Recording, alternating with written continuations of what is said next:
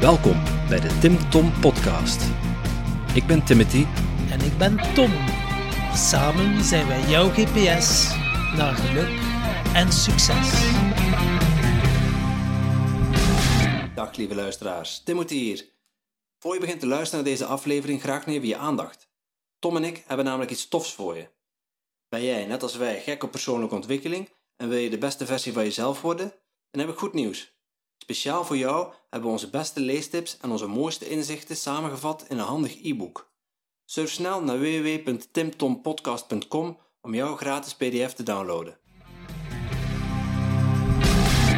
Ik geef eigenlijk bijna nooit interviews, guys. Wat wij hier nu doen is ongelooflijk. En dat wij hier nu samen zitten is heel uitzonderlijk. Ik zou nog geen tiende aan de journalisten vertellen dan wat ik nu al aan jullie heb verteld. Je hoort het al, we hebben vandaag een heel uitzonderlijke gast kunnen strikken voor onze podcast. Elegant, boeiend, gepassioneerd, energiek, sportief, bescheiden, veel charisma, enorm sympathiek. Hij is echt wat je noemt een leider. Heel inspirerend met volop goede ideeën. Hij kan heel hard zijn, heel veel eisend, maar hij is altijd rechtvaardig. En naar zichzelf toe is hij net zo eisend als naar anderen. Wat maakt dat zijn medewerkers hem zo waarderen. Hij is niet bang om zijn handen vuil te maken. Hij is enorm betrokken. Het is niemand minder, mensen, dan Christian van Tilo die we te gast hebben. Christian is een magnaat met stijl. Hij is een van de meest invloedrijke mediaticoons in België en zelfs in Europa.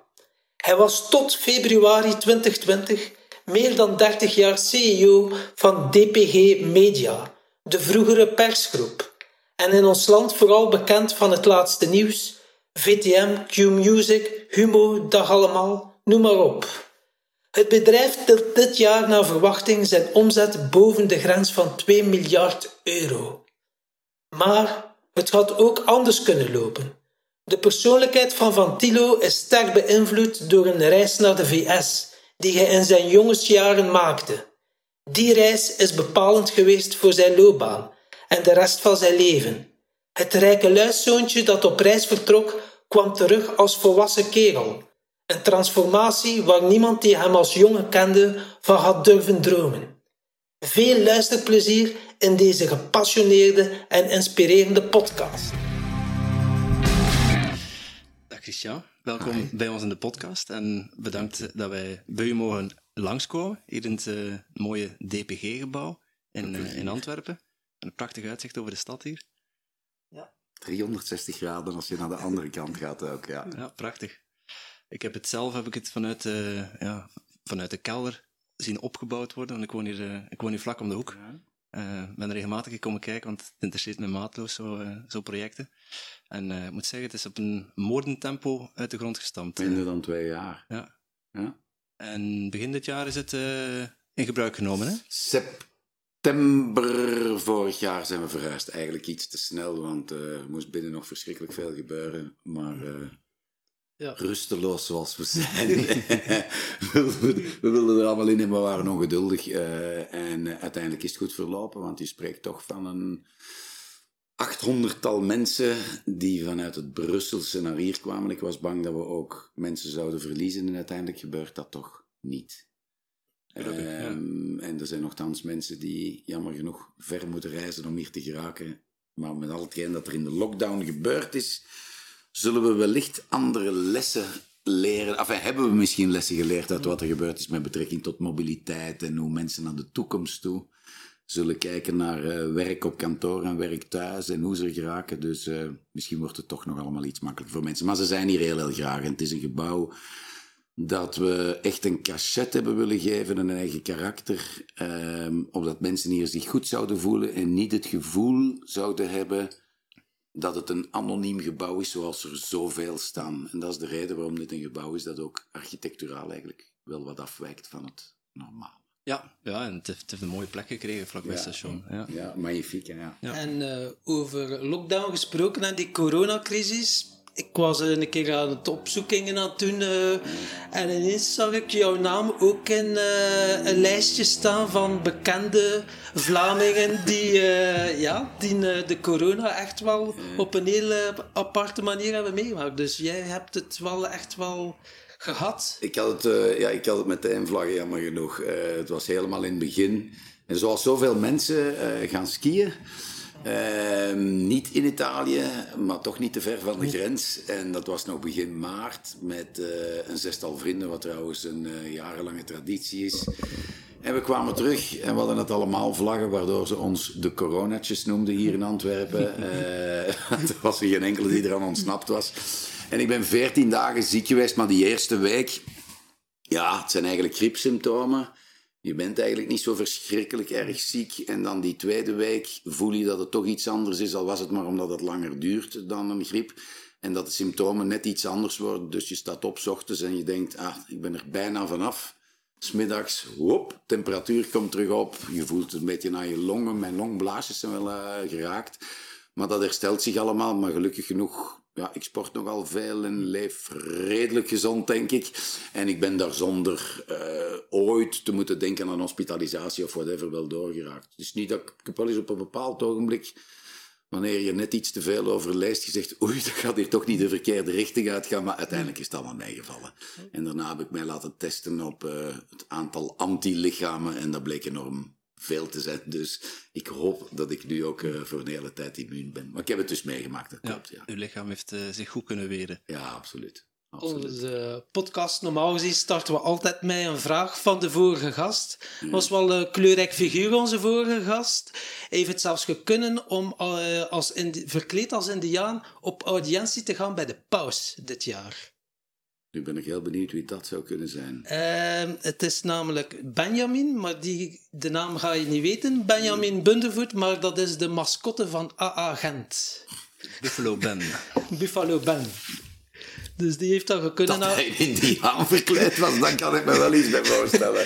Ja, dat was tijdens... eh, Maar hoe, die, hoe hij bij de paus geraakt is. Ja, gewoon via internet, gewoon Hij aan heeft hem een fax moeten sturen. een fax moeten sturen. Ah, ja, en, ja, eh, het was uh, Agente AS Roma, speelden ze Europees. En dan eh, dacht hij, ja, waarom een keer niet proberen om bij de paus te geraken? En dat was hem dus gelukt. En, dus hij had dan ook wel een hele mooie vraag voor u. En hij zei van, stel dat, je, dat ze morgen zeggen, Christian, je moet naar een onbewoond eiland en je moet hier alles achterlaten. Maar je mocht één iemand meenemen. Wie zou je meenemen en waarom zouden die persoon meenemen? Één, echt één. Ja, ja. Ik durf het mijn dochter June niet aandoen van te zeggen Nathalie, namelijk mijn vrouw. Eh, omdat dat de twee vrouwen in mijn leven zijn. Ik heb één kind, dus eh, mijn dochter, Jesus Christ, zou ik nu Nathalie of June meenemen? Verscheurende keuze. Ja, vreselijk vind ik het. Bel meteen die man van Gent op, wat een vraag. Ehm, eh, spontaan zou ik eh, Nathalie zeggen met het grootste... Nee, god, ik kan dat gewoon niet zeggen. Ik kan dat niet over mijn hart krijgen. Eh, ik steek ze in één pakje en ik neem ze alle twee mee, June en Nathalie. Zo simpel is het. Ze betekenen duidelijk heel veel voor u. Tuurlijk. Ja, ja, mijn vrouw en ik, wij zijn al van, eh, van toen Nathalie nog 18 moest worden en ik 20 was samen. Eh, en, eh, en ik heb een eh, fantastische band met mijn dochter ook. Dus eh, ja, die betekenen heel veel voor mij. En heel toevallig doen we met z'n drieën ook heel veel dingen samen. En vaak schrik ik daarvan. Ik zeg, is dit nu de eerste generatie van kinderen? Want ik zie dat ook bij mijn vrienden die op een andere manier naar hun ouders kijken dan wat wij deden vroeger. Namelijk voor ons waren ouders vroeger oudere mensen die er andere gewoontes op nahielden en waarvan je zegt, soms kan het wel leuk zijn in familie, maar het kan soms veel leuker zijn om niet samen te zijn. En ik merk vandaag dat, trouwens niet alleen met mijn dochter, maar ook vrienden van mijn dochter, samen op vakantie gaan, samen dingen doen, zelfs, zelfs al het op café gaan samen, dat dat, dat allemaal leuk kan zijn zonder dat je daarvoor de autoriteit, wanneer het nodig is, en dat kan soms wel eens zijn, verliest. Dus met andere woorden, je blijft wel de juiste relatie ouder-kind houden, terwijl je toch een fantastische ehm, ja, band hebt die generatieoverschrijdend is. Ja, ik vind dat eigenlijk heel nieuw. En daarom denk ik dat, ik, eh, dat we zo dicht bij elkaar staan. Maar ook, we sporten graag samen. We, we houden van kunst, van muziek, van dit, van dat. Dus je hebt, je hebt heel veel dingen eh, die je graag samen doet. En, en behouden dus mijn job en de job van Nathalie eh, en, en, mijn dochter die studeert. Dan natuurlijk, dan ben je niet samen, maar voor de rest ehm, heel gelijke smaken en uh, passies in het leven, ja. Dat is zo. Ja, het is mooi als je goed overeen kunt komen. Ik heb zelf ook een goede band met mijn ouders en ja, like, nu is dat wat minder. Uh, met de corona mogen sowieso niet meer buiten. Mm. Maar uh, een keer op café gaan met mijn, met mijn vader is altijd, uh, dat is altijd wel plezant. Ja. ja. Als je een plezante vader hebt, toch? Ik, uh, ik vind van wel, toch? ik weet niet wie iedereen dat vindt, maar... Good for you. Ja. Ik heb ook een dochter, ze wordt 19 en inderdaad, je leert er enorm veel van. Hè? Ja, al is het maar uh, internet, uh, smartphone en noem het maar op. En ja, ze geven nu andere inzichten hè, in het leven. En je wordt constant getriggerd ook natuurlijk. Hè. Het is een beetje een, een spiegel hè, dan, van jezelf. Hè. En dan ja. Af en toe trekken zoiets. Oei, dan zit hier precies nog iets dat uh, even aandacht nodig heeft. Hè. Dat is wel uh, heel interessant. Leuk, ja, zeker. Verrijkend aan beide kanten. Maar zo'n zo goede band opbouwen met je gezin, daar heb je ook, daar moet je tijd voor investeren. Uh, dus ik ben eigenlijk wel benieuwd hoe dat je, hè, want als, als, drukke, als drukke ondernemer, je hebt een, een heel groot bedrijf onder de hoede gehad, heel lang. Um, daar steekt ook heel veel tijd in. Dus hoe vind je dan de balans tussen ja, aan de ene kant uh, ondernemen, CEO zijn en aan de andere kant uw gezin? Als je er bent, er heel intensief zijn. Dat is mijn antwoord daarop. uh, met andere woorden, um, daar is niks aan te doen. Er zullen zo wel uitzonderingen zijn hoor. Maar als je inderdaad aan het hoofd staat van een bedrijf waar ook heel veel mensen werken. Um, en, en ik heb dat 30 jaar een stuk gedaan. Dan kan je daar niet omheen. Dat vergt heel, heel veel tijd. Dat is gewoon weg zo. En dus lange werkdagen en, en wat weet ik allemaal. Nu, ik ben ook niet van de school van diegenen die zeggen, ik werk 100 uur per week. Ik heb het nooit geteld hoeveel uren ik werk en het is ook veel minder interessant. Maar het is wel zo, ja, dat neemt veel tijd in beslag. Maar dan is het weekend en dan moet die knop om. En dan moet dat kunnen weekend. doen. En dan is het ook echt weekend. En als ik... Uh, en ik ben altijd veel met vakantie geweest. Ook vroeger, toen dan, dan zei ik van kijk, als we weg zijn, dan zijn we ook lang weg. Niet zo binnen zeggen, ze hebben mij nodig op kantoor, dus ik kan maar een week of whatever. Nee, eruit is eruit. En daar dan ook volop van genieten en dan niet beschouwen als oei oei, nu moet ik met vakantie. Wel in tegendeel, ik ben een groot hedonist. Ik ben bourgondier van karakter, dus ik vind dat ook allemaal heel, heel plezant. En, en dus de het, wat, het cliché van work hard, play hard is wel van, ja, op mij van toepassing, dat geef ik ook toe. Dus dat is ook zo. Maar, uh, en ik heb dat ook voor mijn vrienden altijd gedaan. Ik heb een, um, ik heb een, ja, eigenlijk een, tiental echte hele goede vrienden die al meer dan 40 jaar mijn vrienden zijn. En lang niet altijd van school of zo. Gewoon uh, vrienden die, ja, die op een of andere manier in je leven bent tegengekomen en die altijd vrienden zijn gebleven. Ik ben daar ook hondstrouw in. En ze hebben allemaal andere achtergronden, uh, staan er financieel ook helemaal anders voor dan de andere. Maar het is de vriendschap die ons bindt en, en ik heb daar altijd uh, tijd in geïnvesteerd. Ik zou dat vreselijk vinden, van na een lange carrière te zeggen en nu ga ik eens tijd maken voor mijn familie en mijn vrienden. Zo. Dat, dat, allee, dat, daar heb je niemand meer over eigenlijk. Hè? Maar bovendien, ik zou dat een totale mislukking vinden. Ik bedoel, eh, stel je, ik wil er nog niet aan denken. Dus, um, dus je kan dat eigenlijk heel, heel goed combineren. Dat is, dat is niks anders dan keuze maken, ja. keuzes maken. En dat je dat al van in het begin, dus vanaf, uh, je zegt 30 jaar aan het hoofd gestaan van een groot bedrijf, even als je terugrekenen was je 7 uh, 27 was ik ja. toen, ja. Um, en had je toen op die hè, de jeugdige jonge leeftijd al, al die mindset van ik moet voldoende tijd vrijmaken voor mij, blijven maken voor mijn vrienden? Of was er in het begin een periode dat je voor je carrière voorrang, aan je carrière voorrang gaf? Ik, ik dacht er toen niet over na. Ik ben, uh, ben een redelijk angstig iemand wanneer het erop aankomt om professioneel, ik heb dat zelfs vandaag nog, om te weten van gaan de dingen wel lukken? Uh, en krijgen we onze plannen wel verwezenlijkt? Gaan we onze timings halen, onze deadlines en wat weet ik allemaal? En dat drijft je dan om ja, om hard te werken. Je zegt, anders haal ik het misschien niet. En dan denk je daar niet over na. Dan, dan automatisch zeg je soms, oei, het is 11 uur s'avonds, of het is dit, of is dat. Uh, en dus heel bewust ben je daar niet mee bezig. Het, eh, dus het is niet zo dat ik planmatig vanuit een agenda bijna zou zeggen... Nu ga ik werken, dan ga ik tijd in mijn vrienden steken, dan dit, dan dat. Nee, zo heb ik nooit geleefd. Het is veel meer vanuit het buikgevoel van het is nu even tijd voor iets anders. Maar ik geef wel toe dat andere mensen zouden wellicht zeggen dat ze slaaf van hun werk waren. Of zo. Ik heb dat nooit zo aangevoeld, maar ik heb wel aangevoeld dat vanuit mijn, mijn rusteloosheid en, en, en soms ook wel de angst, want toen ik begonnen ben, eh, ja, had ons bedrijf het moeilijk. Dat was gewoonweg zo. Uh, dat allemaal niet zou lukken. Ja.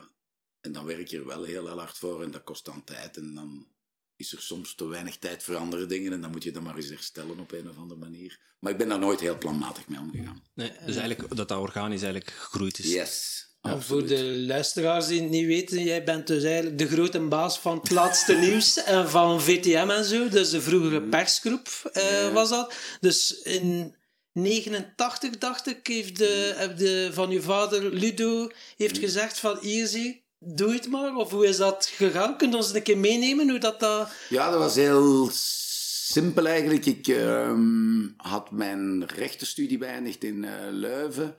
En uh, mijn vader, die uh, eigenlijk de, de, de grondlegger is geweest van de groep, die had een, we hadden een drukkerij. En wij hadden uh, een deelneming in het laatste nieuws, maar onze eerste publicatie was, hou je vast, de Joepie. Oké, ja.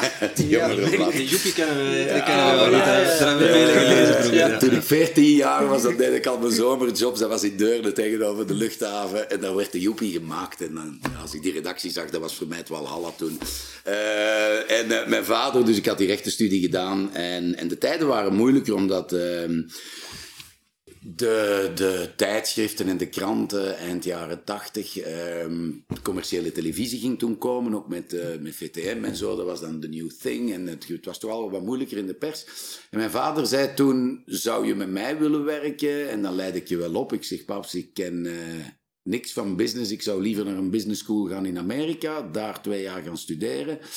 Uh, want ik had rechten gedaan, dus wist ik veel over business. En hij zei, ja, maar als je dat doet dan kom je terug en dan trek je je plan maar. En zo geschiedde ook. Ik ben dan naar Amerika gegaan, ben daar twee jaar gaan studeren. Uh, business naar business school geweest en het was graduation en mijn ouders kwamen halen. En, uh, en, en um, we hebben daar nog heel even rondgereisd. Een paar dagen zijn we teruggekomen. En hij heeft me letterlijk afgezet aan, op kantoor dan en gezegd, good luck. En, en, uh, Je moest echt die plan trekken. Dat, ja, maar dat was dan ook. Wat, wat eigenlijk heel, heel mooi is in... Um, in de relatie tussen een vader en een zoon natuurlijk ook. Ja. Aan de ene kant laat hij je naar Lotto over, maar aan de andere kant geeft hij wel het vertrouwen. Wel, precies. Dus dat eerste zou ik zelfs vergeten van aan uw Lotto overlaten. hij had er ook niet meer veel zin in, denk ik. Uh, het was veel meer het tweede. Van, uh, als ik daar nu op terugkijk, ja, dan moet hij toch, hij heeft het mij nooit in mijn leven gezegd, maar dan moet hij toch gedacht hebben, het zit er wel in, bedmanneke. En, en, en hij zette mij af en, en, en this was it. En de rest, ja, de rest is geschiedenis. Simpel ja. is het. Ja. Ja, want de, de, de, krant stond bijna op omvallen, als ik... Uh... Ja, de krant had heel, heel moeilijk. Ja, dat was ook zo. Ja, ja. ja, Dus de hele sector had het toen moeilijk. En wij waren echt niet het sterkste bedrijf toen. Dat is heel, heel duidelijk. Ja. Verloren geld ook, veel. Ja, en ondertussen is het wel de grootste krant van Vlaanderen. Ja, en het is één van... Uh, want wij zijn Vlamingen en wij kijken altijd naar onze groep. Hè, wanneer mensen zoals jullie mij daarover spreken, dan spreek je over het laatste nieuws in VTM. Maar intussen hebben we 95 merken in uh, de groep. In uh, Nederland, in Denemarken, hier in België. We hebben 11 dagbladen, we hebben vijf televisiezenders, veel radiozenders, heel veel internet. Zoals Q-Music valt er ook onder, dat weten misschien heel veel mensen niet. Ja, Q-Music Nederland, Q-Music België, Joe. Uh, dus ja, heel, heel, heel veel merken. En na een tijd schrik je daar zelf van. Hoor. Je moet vooral niet denken dat ik nu naar ons bedrijf kijk en zeg, oh, uh, ik vind het logisch, of, of, of weet je, oh ja, dat zit bij ons en dat zit bij ons. Nee, ik, ik kijk daar zelf met soms grote ogen naar, dat ik zeg, het is toch ja, wonderbaarlijk hoe dat allemaal gelopen is. En, en je, ja, ik sta er soms wel bij stil. Dat ik zeg, Jesus Christ, dat dat allemaal bij ons zit. Hè. De Volkskrant in Nederland, veruit de grootste kwaliteitskrant van ja, een Nederland. hele grote krant. weet ik al, ja. Het AD, eh, in, in de meest prestigieuze krant van Denemarken, Berlingsken. eh zoveel dingen. We hebben ook heel veel internetactiviteiten nu, hè, veel internetplatformen.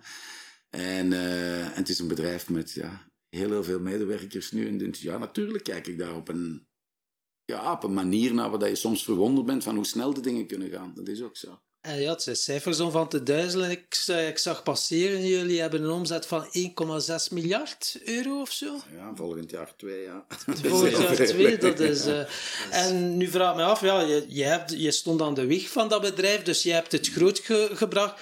Hoe begin je als je iets... eh, ja, alleen is het moeilijk. Dan vermoed ik ook wel dat je echt wel eh, een team nodig hebt waar dat je kunt op bouwen en eh, kunt vertrouwen. Ah, er zijn verschillende manieren om, om, om daarin te lukken. Ik denk dat bij ons, ik zeg altijd, zijn twee dingen. In, in media heb je de creatieve kant, dat is het wat wij maken.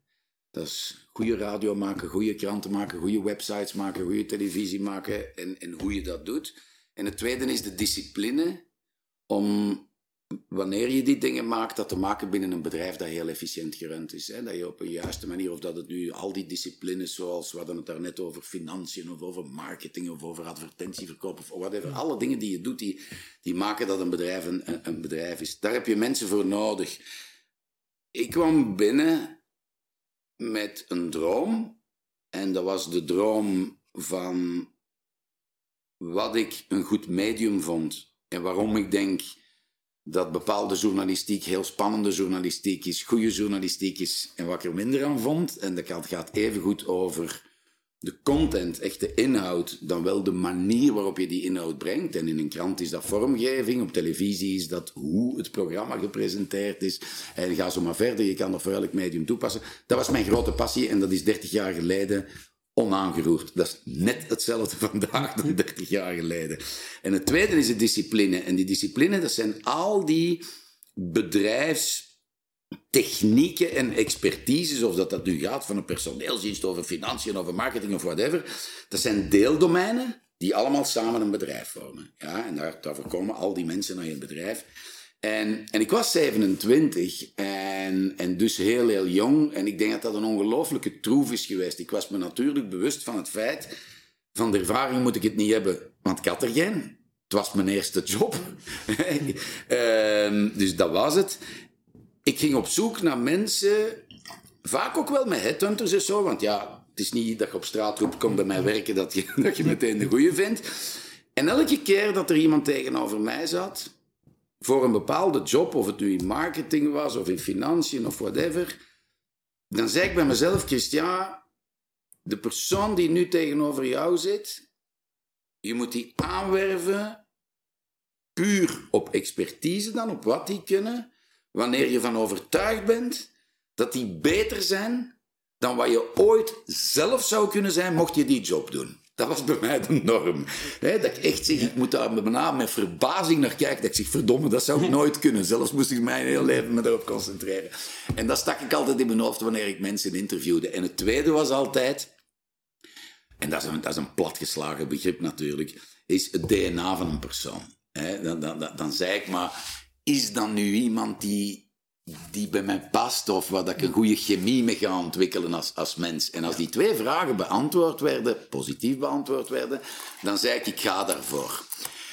En zo hebben wij heel, heel snel een ploeg opgebouwd van mensen tussen mijn leeftijd 27 en ik denk dat de oudste 37 was. En dat was op minder dan een jaar tijd.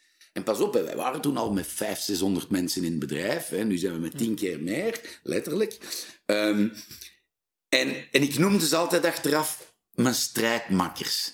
En wij zijn jaren wij samen opgetrokken. En ik vond dat ook heel, heel belangrijk. Hè. Toen wij in Nederland in 2003 actief werden en wij stelden elkaar aan elkaar voor, de Nederlanders en de Vlamingen. En dan zeiden die Nederlanders, hallo, ik ben Jan en ik werk hier al drie jaar. En dan zei een meisje, ik ben Hilden en ik werk hier al vier jaar. En dan kwamen die van ons, toen nog de persgroep, nu DPG. En dan zeiden ik ben Rudy, ik werk al twintig jaar bij de persgroep.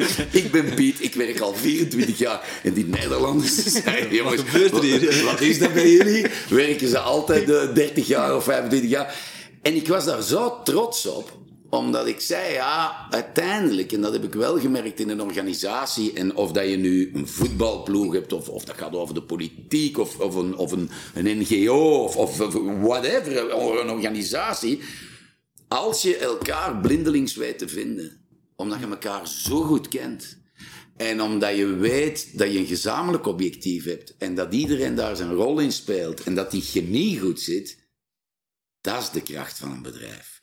Natuurlijk zijn er altijd individuen die het geheel nog wat een turbo op de motor zijn als je wil, dus nog wat meer schoon geven. Maar als je daar heel, heel eerlijk naar kijkt, naar al die jaren, dan zeg ik, ik zeg dat altijd, ik zeg jongens, begin niet met hokjes in te vullen in een organogram en daar wat mensen in te zetten. Vertrek vanuit de mensen. Kijk naar wat ze kunnen en kijk dan vooral, en vergeet dat nooit, naar de chemie tussen die mensen. Wat gaat dat geven als je die mensen in een hok steekt? Gaat dat nu vuurwerk geven of niet? En, en heel, heel vaak, ook bij ons, hè, zeiden mensen van... Ja, Christian, je zegt dat altijd. Ze moeten een DPG-DNA of een persgroep... Ze moeten persgroepers zijn, zei ik vroeger altijd. En zei, maar geef toch toe... Het zijn heel verschillende mensen. Ik zeg, dat heb ik nooit gezegd. Ik zeg, dat is ook juist. Ik zeg, wij hebben heel bedeesde mensen, verlegen mensen, heel outgoing mensen. Ik zeg, maar aan de basis hebben ze allemaal iets dat hem verbindt, dat hem bindt. Dat is gewoon echt zo. En dat is die chemie. En daar moeten natuurlijk naar zoeken. Dat heeft veel meer met een ingesteldheid te maken en bepaalde karaktertrekken waarvan je zegt, dat zou wel eens goed zitten voor ons. En, en zo bouw je dat op en zo is dat over de jaren gegaan. Dus allee, dat is essentieel. Wat je wel moet hebben, want dat mag ik niet vergeten te zeggen, het, um, je mag de beste managers ter wereld hebben. Um, de makers, diegenen die aan het creatieve zitten, programmadirecteuren, um, je hoofdredacties, um, die dan toch dikwijls aan het hoofd staan van heel, heel veel mensen. Het is wel degelijk een piramide. Het zijn wel degelijk boven mensen die heel subjectieve beslissingen dikwijls moeten nemen. Subjectief in de zin van smaak. een krant die zegt, wat gaan we brengen morgen? Wat denk je dat de mensen willen weten? Wat vind je een boeiend verhaal? Wat is een goed interview?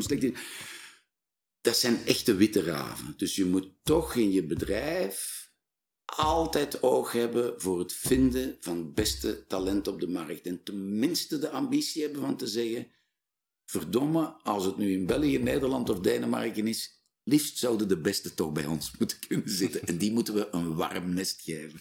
Dat is zo'n beetje het, uh, ja. het geheim. Ja, ja, je kunt geen voetbalploeg hebben met elf Messi's bijvoorbeeld. Hè? Dat is inderdaad, uh, klopt inderdaad wel. Maar daar is ook een gevaar aan, en dat is een van mijn zwaktes, want natuurlijk heb ik veel zwakke kanten ook. Uh, Messi is een prima donna dan ook. Ja, en mensen met heel grote talenten zijn heel vaak mensen die ook prima donna's zijn, soms zonder dat ze het weten, dat ze zich van bewust zijn, omdat ze heel aparte karakters hebben, omdat ze alleen maar perfectie willen. En eh, ik weet niet of jullie Michael Jordan nu gezien hebben in The Last Dance. Dat is een heel mooi voorbeeld van iemand die een iconische status en terecht genoot zijn heel leven, tot er een boek uitkwam over wie Michael was in de kleedkamer en hoe hij met zijn eh, collega's omging. En dat ze zeiden, he could be a son of a bitch. En, en, en dus dan is de uitdaging, en dat is niet makkelijk als baas dan in mijn geval, om te zeggen hoe ga je daarmee om. En heel terecht hebben collega's van mij, en al goed dat wij die open cultuur hebben bij ons in bedrijf, gezegd: Christian, je bent soms slachtoffer geweest van je liefde voor de primadonna's. Omdat je er te ver in meeging, omdat je ze... Ja, te veel bedekt met de mantel der liefde ja, soms. Ja, ik vind het dan, ik kijk daar dan zo verschrikkelijk naar op. En, uh, en uh, ja, dat is gewoon weg zo. Ik geef dat ook toe. Dus de, ik, min- als ik, de uh, minpuntjes neem je er dan eigenlijk bij. Maar Ja, zelfs meer dan de minpuntjes. Ehm, soms doe je dingen waarvan je zegt dat had ik niet mogen aanvaarden. Om, om, om, omdat je daar andere mensen mee kan kwetsen. Of omdat je...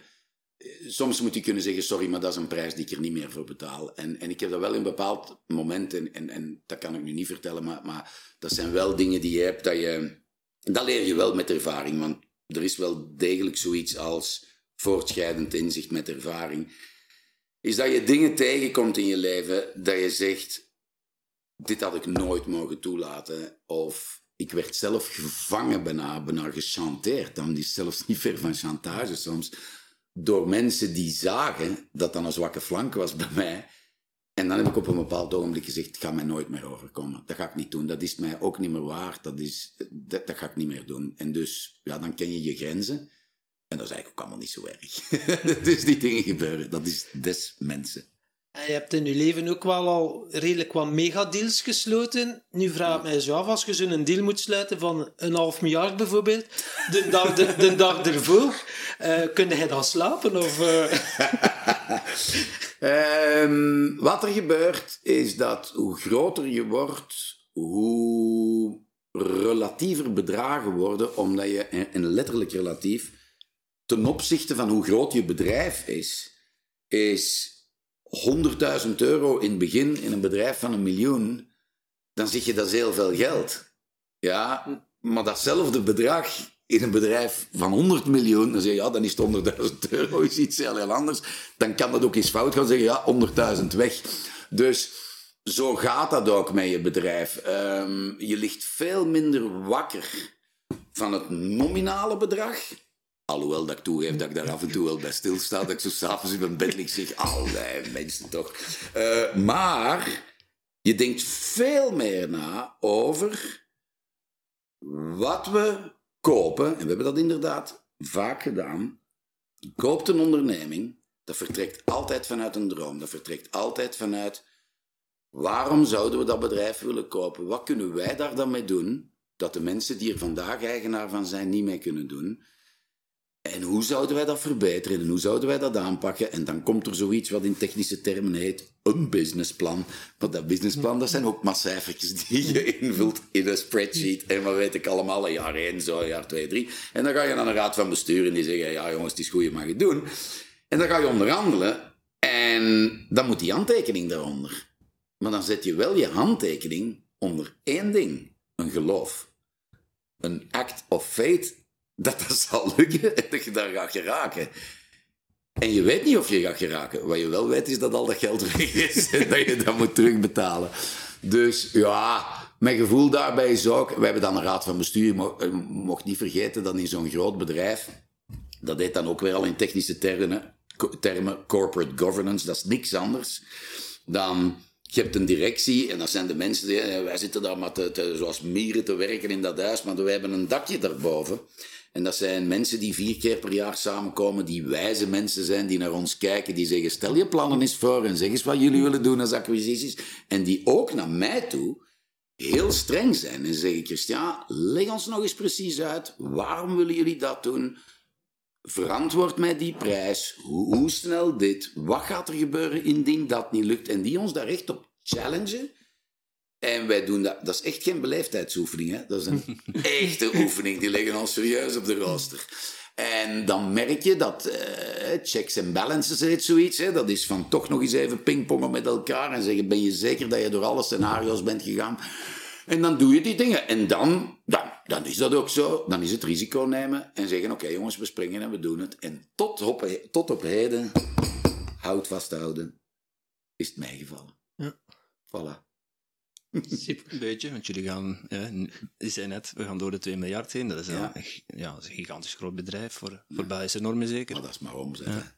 Omzet is maar omzet. Dus, dus, eigenlijk ligt er een, een hele belangrijke rol bij uw raad van wijze uilen, zoals ik ze maar even noem. Um, dus, dus, eigenlijk als uh, leidinggevende leun je ook op een, op een soort klankbord, een spiegel, ja. waar je jezelf elke keer voorhoudt. Ja. Um, als er zo één iemand is die je zou mogen benoemen uh, als spiegel, als klankbord, van waar je echt naar opkijkt, waar die jou echt geïnspireerd heeft om te staan waar dat nu staat, wie zou dat voor u zijn en waarom? Um, in mijn dichte omgeving bedoel je dan? Mm -hmm. Ehm, Erik Verbeek. Erik Verbeek is een uh, Antwerpse ondernemer die ik ken van mijn, pff, weet ik veel, twaalf jaar zeker.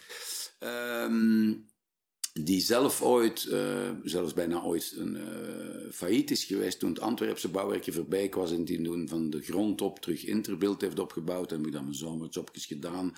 En dat is zo'n beetje mijn ja, mijn mentor geweest door mijn carrière. En is jarenlang bestuurder bij ons geweest. En is een heel inspirerende, charismatische persoonlijkheid die mij als... die mijn karakter ook door en door en door en door kent. En die mij ook wel door mijn apenjaren uh, geloodst heeft vroeger. Daar waar ouders het niet meer kunnen. En iemand anders die rol moet overnemen, want ik was niet de makkelijkste. Um, dat is iemand die het misschien ook onvoldoende beseft. Mij niet alleen, niet alleen een goed klankbord is geweest, maar mij altijd ongelooflijk gemotiveerd heeft, omdat ik... Ik ben niet door het van de naald gekropen, maar dat had helemaal anders kunnen lopen met mij, dat weet ik wel. Um, ja, ik heb mijn zotte jaren gehad. En ja, ik had heel makkelijk kunnen zeggen: vergeet al die discipline. Uh, ik ga iets heel anders doen. En, en er had helemaal niks van kunnen komen. En zelfs heel erge dingen misschien, I don't know. Maar uh, het is anders gelopen, maar dat is dankzij hem, ja. En, en, en, en doorheen die carrière, uh, wat hij ook altijd deed, is van te zeggen... Um, durf maar groot dromen, doe dat maar. Ik heb dat eigenlijk niet, mijn karakter. Er zijn veel mensen die dat van mij denken. Maar eigenlijk heb ik dat niet. Ja, als jullie dat uitspreken, een bedrijf van 2 miljard... Op zich, zelfs als jij het nu zegt word ik daar eerder bang van dan dat ik zeg, ik ben daar vier op of zo. Ik kan me dat voorstellen. Nee, ik lees artikels, ja, maar ik lees artikels in de krant. Je leest dat in financiële kranten, zo, dan hoor je zo de CEO. En binnen twee jaar is het zover. Dan gaan we door de barrière van een miljard. Dan zeg ik, man meneer, toch, wat is daar nu interessant aan? Er is nog toch niks interessant aan, wel in tegendeel. En ik heb dat ook. Dus ik, heb, ik ben nooit iemand geweest die dat als doel had. Weet je wat ik altijd als doe? Dat mooie media maken. Dat vond ik veel, veel. En uiteindelijk is het resultaat wel geweest dat het bedrijf zo groot is. Maar ik geef dat toe, ook naar Nederland. Als wij bijvoorbeeld het Parool deden of de Volkskrant. En ik las toen de Volkskrant. Ik zeg, ja jongens, dat moet nu toch wel beter kunnen. En als je nu eens dat doet en dat deed en weet je Dus alles vertrok vanuit het idee dat we misschien, als wij het overname, dat wij dat beter zouden kunnen doen. En ja, maar ja, als je het dan doet, dan komt er ook omzet bij en dan wordt het ook groter. En, en het is daarom dat ik altijd ook zeg, winst en omzet, dat mag nooit een objectief zijn. Dat is, een dat is het logische resultaat van wat je doet. Het gevolg eigenlijk. Eigenlijk een puur logisch gevolg. als je goed bezig bent, is dat... Uh, Exact. En soms moeten we daar vreselijk veel geduld voor hebben. Uh, Erwin Dekkers, de grondlegger van Q-Music hier in België, die, die, vroeger op Radio Donna zat en die is dan bij ons gekomen en die heeft uh, Dekkers en Ornelis, de ochtendshow. Hè. En, uh, en we gingen naar Nederland in 2005. En eigenlijk was het in België hetzelfde met Q toen dat we begonnen, want uh, de, het monopolie zat bij de VRT toen en wij begonnen met Q. En ik zal nooit vergeten dat de toenmalige CEO van de VRT mij na een jaar zei Amai van Tillo, zoveel jaren gezaagd om je radiozender te hebben en nu heb je hem en je hebt toch garm een 8% marktaandeel. Dat was ook zo, we hadden maar 8% marktaandeel. En, en, en Erwin zei toen, vind je dat eigenlijk erg, Christian? Ik zeg, het interesseert me niks, jong. Ik zeg, weet wat we gaan doen, Erwin? Ik denk dat onze, ons format zit goed. Ik denk dat we een zender hebben die gaat er geraken. We'll take our time. En we gaan gewoon doorwerken. En, en Erwin heeft mij altijd gezegd, Kijk, dat is zo belangrijk voor creatieve mensen. Dat we gedekt worden door iemand die zegt: pak een tijd, het komt wel. Ga gewoon verder op die lijn, niet afwijken. Oh, die droom. En tuurlijk, wel constant bijsturen. Hè? Want ooit moet het wel gebeuren, natuurlijk. Ik kan, gaan ook geen honderd jaar wachten. En we hebben dat in Nederland ook gedaan. we zijn daar nu marktleider met Q, waar we natuurlijk ontzettend trots op zijn. Maar het heeft ons ook... Het heeft, het heeft in Nederland zelfs 15 jaar geduurd maar we kwamen ook pas van de negende plaats of zo. We zijn daar nu marktleider. En, en ja, daar haal ik met voorsprong de meeste satisfactie uit. Dan ben, dan ben ik zo fier als een gieter. Ja, zo'n dingen gebeuren. En dat dat een groot bedrijf is, natuurlijk vind je dat leuk. Daar moet ook niet flauw over doen. Dat je zegt, ja, dat is plezant om dat te mogen meemaken in je leven. Hè? Dat is zo. And the road to success is always under construction. En waarschijnlijk zal je ook wel eh, regelmatig tegenslagen hebben en obstakels op, op die weg. Hoe ga je ermee om? Eh, Ehm, brrr, ja, door stil te staan bij de fouten die je maakt. Ik lig veel minder wakker van cijfers, zoals nu met de coronacrisis bijvoorbeeld. Hè. Dan krijg je een klap van je welste en dan ontmoet je andere ondernemers. En, en dan zeg je, goh, amai, en zoveel verlies en dit, dat. Ik kijk veel meer naar wat er nu met onze media gebeurt. Van, ah, en wat heeft dat gedaan op televisie kijken? En hoe zijn mensen met nieuws omgegaan? En wat is er in social media gebeurd? En dan kijk ik ook wel naar, jongens, eh, zijn we met ons centjes een beetje efficiënt omgegaan? Eh, maar een tegenslag wordt bij mij niet bepaald door winst of verlies. Ook wel, ik kijk daar ook wel naar, maar opnieuw, dat is een resultaat. Ik kijk veel, veel liever naar de dingen die dat resultaat bepaald hebben. En dan merk je dat voor mij de grootste, de dingen waar ik het meest van wakker lig, één, dat is afscheid nemen van mensen. En afscheid nemen van mensen is meestal niet de fout van die mensen. Ik zeg altijd, dat is je eigen falen. En waarom is dat je eigen falen? Omdat vaak je afscheid neemt van mensen omdat je niet de juiste keuze hebt gemaakt toen je hem hebt aangeworven, bijvoorbeeld. Of dat je ze niet goed begeleid hebt. Of dat je iemand een job hebt gegeven waarvan je zei, ja, die persoon wilde dat wel. Maar je had zelf meer moeten nadenken of dat, dat wel de juiste job of de juiste ambitie was voor die persoon. En je hebt de stomme tijd begaan van daarin mee te gaan terwijl je twijfels had. En achteraf zit je met de vodden en zeg je, ja, nu moet je afscheid nemen. En dan zeg je, ja, van Tillo, jou gaan ze niet snel buiten gooien. Maar die persoon, die kan nu wel aan iets anders gaan denken in zijn leven of haar leven. En dan heb ik ook altijd iets, dat is bijna masochistisch wat ik nu ga zeggen. Dan zeg ik wel, heb dan ook maar de guts om het zelf te doen. En ik heb dat altijd zelf gedaan. Altijd, altijd, altijd. En je kan er makkelijk uit de weg gaan. Hè. Je kan makkelijk zeggen, laat dat maar door de personeelsdienst doen, ik doe dat niet. En dan zeg ik ook altijd wel, ga dan maar op de blaren zitten. En, en dan doe ik dat altijd in een persoonlijk gesprek. En dan lig ik daar die nacht ervoor, omdat je er straks zei, lig je ervan wakker. Dan lig ik meer dan, dan, dan een nacht ervan wakker. Van, hoe ga ik dat zeggen? En, en, en dan neem ik er ook al de tijd voor. En dan kan ik er daarna het hart van in zijn. Dat is zo. Dus dat vind ik vreselijk. En ik vind dat ook meer structureringen wanneer we heel grote dingen doen. Maar weet je wat eigenaardig is? Dat is anoniemer, omdat je verder staat van de mensen. En dat kan soms heel pijnlijk zijn. Hè? Dus, dus dan heb ik het werkelijk over de dingen die je in de krant leest. Van zoveel mensen verdwijnen in bedrijf X of Y. Wij zitten in een sector die door het internet zo gedisrupteerd is geweest, dat wij inderdaad, wij werken nu wel met veel, veel meer, veel meer mensen dan vroeger, maar er zijn ook heel veel herstructureringen bij ons gebeurd. Dus met andere woorden, wij hebben dat gekend, dat wij, uh, ja, een heel bedrijf, dat je zegt 20% minder. Met vakbonden onderhandelen, hoe doe je dat? Afscheid nemen, dan ben je toch ook blij. En dan heb ik het ook gewoon ethisch gezien dat wij in landen leven, zowel in Denemarken, Nederland als België, want dat zijn er alle drie mooie voorbeelden van, waar wij een mooi sociaal vangnet hebben. Dat wanneer iemand zonder job valt, dat hij de dag erop niet zegt, ik heb geen brood meer op de plank. Weet je, ja, allee, je kunt ja. nu zeggen, oh, oh, dat is makkelijk gezegd, was dat voor een troostprijsje? Maar toch. Ja, dat bedoel, sociaal vangnet is hier wel... wij hebben dat ja, wel dat natuurlijk. wel, hè, eh, dus, dus ja, maar dat blijft altijd een vreselijke oefening. Je vindt... eh, ik weet niet of er mensen trouwens bestaan die zeggen dat ze daar eh, harteloos mee kunnen omgaan, maar bij mij hakt dat er altijd vreselijk in. Altijd. En je, je moet het doen. Ik bedoel, er is niks aan te doen. Ze- ik weet, dat is dikwijls over mij geschreven. Hè. Oh, oh, oh, van Tillo, het zal allemaal wel charmant, maar als het erop aankomt, eh, harde saneerder leesde dan je over jezelf. Ze kunnen niet in je hoofd kijken. Hè, ja. Ja, nee. En bovendien zeg ik, weet je wat, kwantitatief, allee, ik bedoel, puur objectief bekijken, klopt dat ook. Hè. Er is een herstructurering van zoveel. Wel, ja, dan kan ik dat begrijpen dat iemand anders zegt, godverdomme, wat een hardvochtige mens is dat. Ja. En als er Dan moeten we dat er maar bij pakken.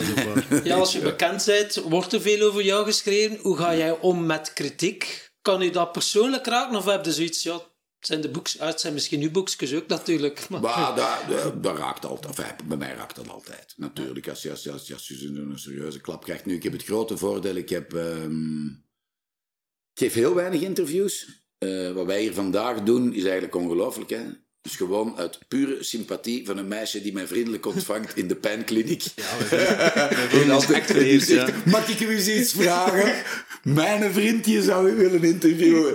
En dan vind ik dat zo vertederend en zo lief. Dat ik zeg, wel, ik ga dat doen. Terwijl ik normaal, hè, als journalisten bellen, mag ik u interviewen. Ik zou nog niet geen tiende vertellen van wat ik nu al aan jullie verteld heb. Ik heb een praktvriendin, dus ik begrijp het helemaal. Maar eh, dus ja, voilà, de voelen ons zeker vereerd. vriendin. Ja, ja. Eh, eh, ja, zorg er maar goed voor. voor Sophie. Ehm, dus, dus eh, nee, ik doe dat niet. Ehm, ik ben... Ik heb een vreselijk Oedipus-complex. Hè, dus ik ben... ehm, ik heb een, waanzinnige band met mijn moeder. En die heeft mij altijd gezegd... Oh, Christian, de media. Ben je zeker dat je dat wil doen? Ik zeg, mam, ik ga dat echt doen. Doe me dan één plezier. Blijf weg uit de schijnwerpers. Doe dat nooit. Niet in de spotlights. Doe me nu dat plezier. Want mijn moeder is een, een, een ontzettend bescheiden vrouw. Eh, iets wat ik van haar al niet geërfd heb waarschijnlijk. Eh, maar, maar ik heb er altijd wel eh, rekening mee gehouden. En gezegd, weet je wat, ik ga dat ook doen.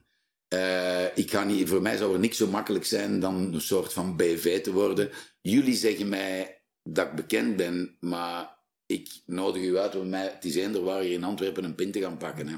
Mensen herkennen mij niet hoor.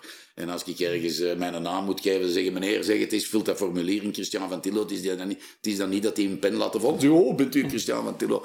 Nee, ik ben eigenlijk voor 99,99% van de mensen hier een onbekende mens. En al goed ook. Ja, dat is ook wel fijn natuurlijk. Ja. Ah, ik vind dat zo plezant. Ik, vind dat zo, ik, allee, ik mag aan het hoofd staan van een bedrijf dat zoveel media maakt. Hè, en, en, en dat hij, ja, in media, je weet hoe belangrijk ze zijn in de maatschappij. En dat allemaal te kunnen meemaken. En dan bovendien al de mensen te kunnen kennen die die media maken. Of het nu onze artiesten zijn, of journalisten of whatever. Ik zeg, ik mag dat allemaal meemaken van op de eerste rij. Dus ik ben de meest geprivilegeerde Vlaming wat dat betreft. En tegelijkertijd totaal, ja, bijna anoniem door het leven kunnen gaan. Dat is plezant. Hè. Ja, dat is, dat is wel een, een, verdien, een verdienste ook eigenlijk. Hè? Om, Tuurlijk. om op die manier op de achtergrond te kunnen blijven. Mm. Ik kijk even naar de klok. Helaas moeten wij Yes. ver gaan afronden.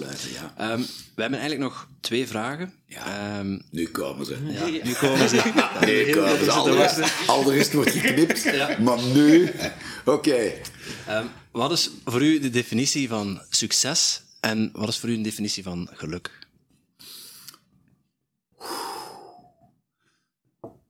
Ehm, ik denk dat de definitie van succes is dat die dingen waarover je gedroomd hebt, wellicht ook al als kind en later als adolescent, dat je zegt, ik heb dat ooit waargemaakt, ik heb daarop teruggekeken en dat je zegt, ik heb de satisfactie gehad van iets dat ik ooit verhoopte in mijn leven, dat ik dat ook echt gevoeld heb, en dat kan eender was zijn. Dus dat kan artistiek zijn, dat is degene die droomt om ooit een fantastische song te schrijven, dat is degene die droomt om ooit iets in sociaal werk te doen of, of in whatever, eh, gewoon een goede mens willen zijn en op een gegeven moment zeggen, dat is voor mij echt succes. De satisfactie van, van te kunnen terugkijken op iets, of misschien zelfs het moment zelf, bijna dat gelukzalig gevoel van, verdomme ja, en zeggen dat ik daar vroeger van droomde, en it happened. Dat. Ik denk dat dat... En ik denk dat dat dan heel, heel dicht ligt bij het antwoord op de tweede vraag. Wat is dan geluk? Eerst, hè. Camera zeker, ja. Gedaan met de camera. Ehm een van de Nederlandse cabaretiers is... Of was het nu Herman van Veen? Iemand heeft ooit eens gezegd, geluk is een besluit. Geluk is een besluit. Eh, ja, eh, en ik heb dat altijd onthouden. Ehm, ergens geloof ik dat dat waar is. Ik, ehm, ik denk dat het een besluit is misschien net iets te zwaar, maar, eh, maar wat wel juist is, ik ben met geluk altijd wel heel bewust omgegaan. In de zin dat ik heel, heel vaak mensen hoor klagen en stilstaan bij wat niet gemarcheerd heeft. En dan te zeggen, hoeveel pech kan een mens hebben en blablabla. En dat is dus ja, de spiraal infernal. Hè? Dus een spiraal die naar beneden gaat. Ehm, en ik heb vaak aan mensen gezegd, kijk, ik ben in mijn leven vaak, want ik ben een heel emotioneel mens wanneer het echt over de diepmenselijke emoties gaat. Ik zeg, ik ben vaak heel trist geweest, maar nooit ongelukkig. En dat is een heel, heel, heel, heel groot verschil. Trist is een gevoel van het moment. Iets waarvan je zegt, wat ben ik droevig dat dit gebeurd is. Bij een verlies, bij een scheiding, bij, bij, bij, bij, bij, iets te zien dat je zegt. Maar geluk is iets permanents. Dat is een state of mind. Dat is van te zeggen, hoe sta ik in het leven? En ondanks dat verdriet, wel, zelfs in het verdriet kan je geluk voelen. Uh, dus dat is dat voor mij, is van hoe sta ik in het leven? En als jij mij er straks vroeg, oh, de mislukkingen, hoe gaat het ermee om? Ik kan jou dat beantwoorden, wanneer dat ik dat gevoeld heb, waarom. Maar als je mij nu zegt, Christian, je bent 58 jaar, hoe heb jij je leven beleefd? Ja, jongens, heel, heel, heel, heel, heel, heel, heel gelukkig. Zo simpel is het. State of mind, daar. En natuurlijk heb ik moeilijke momenten gehad. En natuurlijk heb ik met stress rondgelopen, gehuild, geroepen, ge, alles wat een normaal en iedereen meemaakt. Maar als ik dat allemaal samenneem, dan zie ik, ja jongens, I love life. je kunt er niet meer van houden dan ik, denk ik. Prachtig. Maar waarschijnlijk omdat ik zoveel van mensen hou en dat ik daar zoveel plezier uit haal. En, en that's it. Maar dat is mijn leven, ja. Ik heb ook het gevoel van, door er elke keer ook 100% voor te gaan, dat dat ook een, belangrijke bijdrage aan kan geven. 100% waarvoor? Bijvoorbeeld als je ervoor kiest om voor je familie te, voor je familie te zijn, om dan 100% te zijn, voor je werk om er 100% te zijn, voor je vrienden op het moment dat het... Ja, maar het kan altijd, altijd beter. Ik denk nooit na over die 100%, moet ik toegeven. Er zit misschien zelfs nog veel uh, wat opportunisme en egoïsme ook van als het voorbij maar plezant is. Dat zal misschien, dat zal misschien ook wel spelen. Maar waar je wel gelijk in hebt, en, en dat voel ik wel, en zeker met ouder te worden ook, um, is teruggeven. Dus, dus met andere woorden, ik heb dat heel, heel hard. Dat, uh, het, het gevoel dat je zegt, als je zoveel geluk hebt van te hebben mogen doen in je leven wat je hebt mogen doen, van, van, van die dingen ook bereikt te hebben, en laat ons daar maar allemaal niet flauw over doen. Ik weet wel dat iedereen zegt, oh, geld is heel relatief. Ja, ja, totdat je het niet meer hebt, dan is dat heel erg van er geen meer te hebben. Uh, en, en ik weet wel dat dat ook een zekere ja, een zekere luxe kan geven en welstand en alles wat je wil. En je hebt ook daar dat geluk. Ja, geef dan terug, verdomme. Geef terug aan, aan de mensen die die kansen niet hebben gehad. Aan, aan, en, en dat gaat niet alleen over geld, dat gaat ook over aandacht geven aan mensen. Dat gaat, uh, en daar haalde ongelooflijk veel satisfactie uit. En ik denk dat dat je al de optelsom van al die dingen maakt, dat, ja, dat je het gevoel hebt... Een leven is natuurlijk nooit volmaakt, maar dat je zegt dat je iets vervuld hebt, zo, weet je. Dat, en, en dat, ja, dat incrementeel groeit dat er dan bij en ik hoop dat dat zo gaat blijven. Ja, stukjes zingeving aan je leven. Ja, ja, maar groeiende zingeving. Dat, dat, dat, is mooi gezegd, ja. Ja, niet, niet zo zingeving van het is in orde en ik kan dat nu in een vierkantje steken, ik kan dat in een pakje, een schoon strikje rond en zeggen, dat is mijn zingeving. Nee, dat evolueert en zoals goed, al goed trouwens, onze ethische waarden evolueren, de manier waarop dat we naar de mensen kijken. Kijk wat er nu in de maatschappij is aan het gebeuren rond hoe we vroeger naar ras kijken en vandaag naar ras kijken, of racisme, of haat, of, of religie. Of, of... Het evolueert allemaal. En mensen die stilstaan bij die dingen te zeggen, ah, voor mij is dat niet zo, dat is dat. Met andere woorden, de slechtst mogelijke definitie van conservatisme dan zeg je, nee jongens, dat is wat progressiever in het leven. Kijk eens vooruit, alle dingen evolueren. En dat is, dat is het geluk, denk ik. Altijd de eeuwige zoektocht naar toch een betere maatschappij vanuit de overtuiging dat de mens altijd in staat is om beter te doen. Ja, Ja, That's we, what we zijn onderdeel van de natuur en alles groeit en alles blijft groeien. Ja. En waar je op focust, waar je op focust, dat En groeit, hè. Ja. Dat is zo. En wij zijn er allemaal heel klein radertjes in. En we hebben allemaal een verschillende bril. Dus iedereen kijkt naar de wereld met een verschillende bril. En eh, Eh, Wat het mooi maakt, hè. dat is waar. En allemaal proberen we er iets aan te contribueren. En als daar iets beter uitkomt, voilà, dan zullen we iets hebben nagelaten voor de generaties daarna. Dat is mooi. Thanks, man. We hebben nog één vraag. Ja. Dat is dan voor onze volgende gast. Jij mag een vraag bedenken voor onze volgende gast. We weten nog niet wie dat het is. Ah, je weet het nog niet. Het zal... eh, Het zou Wouter Torfs kunnen zijn. Die hebben we 24 juli morgen, eh, morgen, morgen moeten we naar Utrecht, dus ik denk Ah dat ja, Utrecht. Mark ja, het is. Siegenbeek van Huiklom is. Iemand die ehm, eh, productiviteitstraining en eh, ehm, ja, mindset en, en coaching geeft aan Ah, mensen. Oké. Vraag hem, vertel ons alles over het grootste keerpunt in je leven. Mooi. Voilà. En tot slot, nog, heb je nog één slotwijsheid voor onze luisteraars? Ik hoop, ik hoop, voor zover je enige wijsheid in zit. En Ik ken bovendien jullie doelgroep niet, jullie luisteraars niet.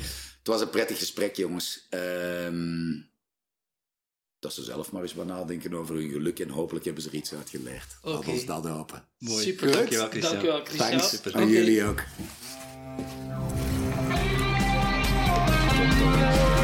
Ja,